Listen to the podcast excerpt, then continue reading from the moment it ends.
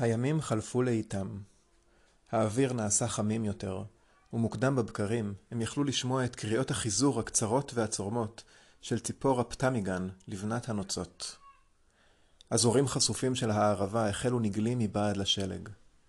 האיש הזקן גילף באיטיות דמות של קריבו מתוך קרן צבי, ואחר כך שפשף ומרק את הפסל בתשומת לב, כיוון שהאמין שמעשה ידידות כזה יגרום לאיילי הקריבו להציע עצמם לפני הציידים. היות שרוח הציד עדיין פיעמה בו בעוצמה, נטל איתוק לעתים את קגייביק, ובהשתמשו בה כמקל הליכה, נדד לאיתו במעלה הנהר, בתקווה למצוא חיות לצוד. ערב אחד, פגש בו קונגו כשהוא משוטט כך, והם התיישבו ונחו זה לצד זה. איתוק סיפר לו על מסע גדול שערך צפונה, לארץ שמעבר לשמש, כשהיה עדיין צעיר וחזק ועיניו יכלו לראות למרחקים. בהטותו את ראשו לאחור, שאף הזקן מלוא ריאותיו אוויר, ובקול עשיר ועמוק שר על אייל המוסק ועל האושר שידע באותה ארץ רחוקה.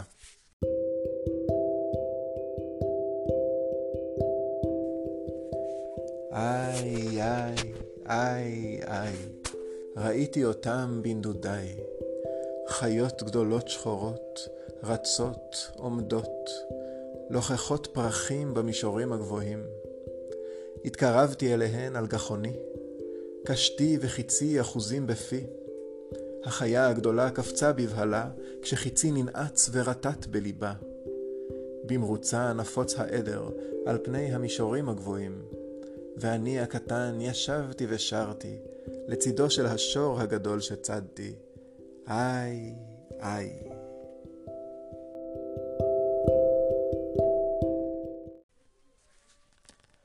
כשסיים, קמו השניים ועשו בדממה את דרכם חזרה למחנה.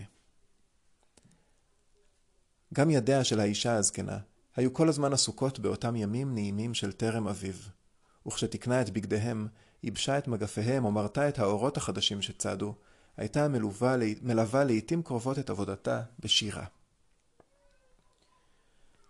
יום אחד אמרה הזקנה לקונגו, שכמה ימים קודם לכן הניחה מספר אבנים שחורות ועגולות על גבי ציפוי הקרח של אגם קטן, הנמצא מהלך חצי יום מהמחנה שלהם.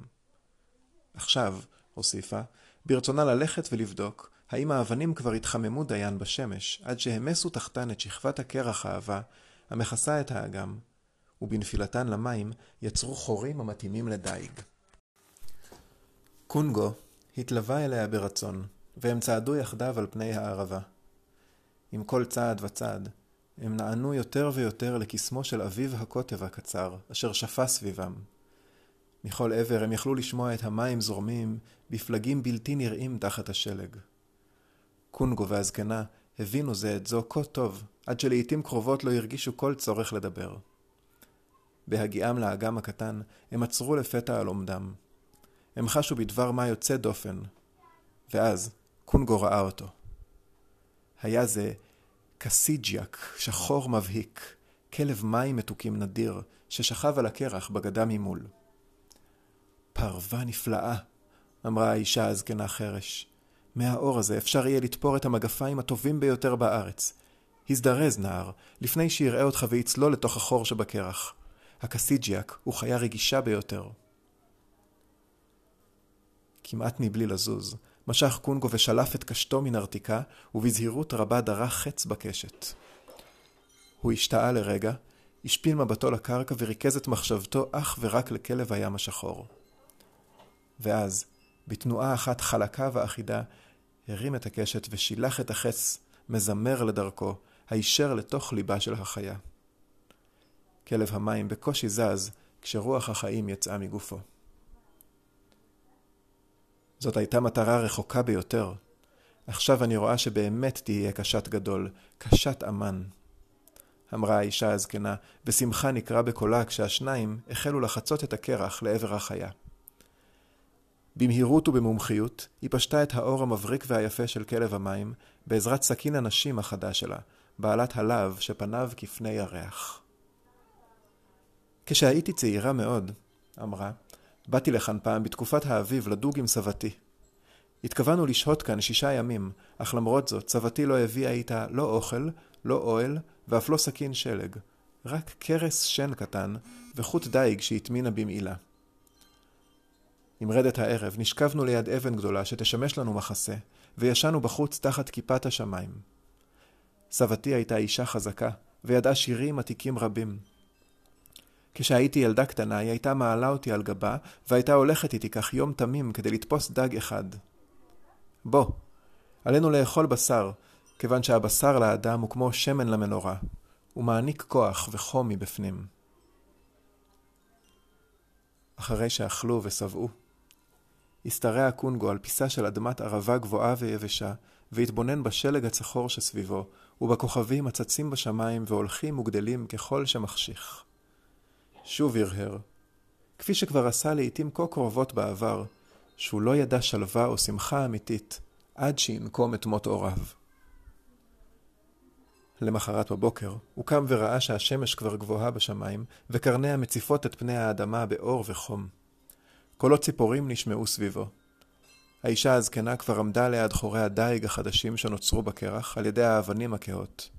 היא עמלה לדוג עם קרס קטן וחוט ידני.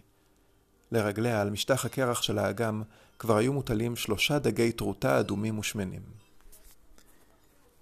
מאוחר יותר, כשחזרו למחנה, הסירה בזהירות בעזרת הסכין שלה את שאריות השומן מפרוות כלב המים שצדו ביום הקודם, והשרתה את הפרווה בשתן, כדי להסיר ממנה כל עקבות שומן ולהלבינה.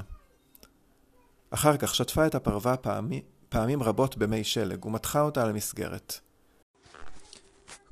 קור הלילה החד, והבוהק הממושך של אור השמש, המוחזר על ידי השלג, הלבינו עד מהרה את הפרווה, והפכוה לצחורה ומבהיקה. אז חתכה האישה הזקנה את הפרווה היפה לגזרות מדויקות, הוציאה מחט עצם דקה ביותר מקופסת שנהב קטנה, ובהשתמשה בחוט דק וחזק ביותר, חיברה את הגזרות ותפרה אותן זו לזו. לבסוף, השרתה שוב את הכל במים, ועיצבה זוג מגפיים לבנים בגובה ברך. בסיימה את עבודתה, לא נתנה את המגפיים האלו לקונגו, אלא החביאה אותם בתיק מיוחד, עשוי אור טבלן. הימים הלכו והתחממו, וכשיום אחד התמוטט עליהם גגו העגול של האיגלו מחום השמש האביבית, הם צחקו מעונג. זה היה סימן שבקרוב יחזרו האווזים לקנן, והדגים ישובו לשחות בנהרות הזורמים. האישה הזקנה לקחה אורות רבים של קריבו וחיברה אותם יחדיו כדי להכין יריעת אוהל. טליקג'ואק חתך את הרצועות העבות של אור כלבי הים שחיברו את המזחלת הארוכה, והשתמש במוטות הארוכים של המזחלת לבניית שלד האוהל. מעליהם מתח את האורות, וזה היה לבית הקיץ שלהם. מיליוני חרקים זעירים רחשו וזמזמו באוויר הצלול והבעיר סביבם, במשך שני ירחי הקיץ הקצרים. האווזים הגיעו במספרים עצומים כדי לבנות את קיניהם ולהטיל את ביציהם במסתור אדמת הביצות הדוממת. מקום בו מעולם קודם לכן לא דרכה רגל אדם. קונגו וטליגג'ואק צדו ודגו עוד ועוד במשך שעות האור הארוכות של הקיץ שחלף כה מהר. מהר מדי. ואכן, הם לא הספיקו כלל לסבוע מיופיו וחומו, והנה החלה כבר הערבה להאדים עם בואו של הסתיו המוקדם, שהביא עמו שוב את הקור. כל בוקר נוצרה שכבת קרח חדשה על גבי השלוליות, והרוחות הצוננות נשאו איתן את איום הצלפותיו החבויות של החורף. הקריבו יצאו שוב לנדודיהם, כשפניהם דרומה, אל ארץ המקלות הקטנים.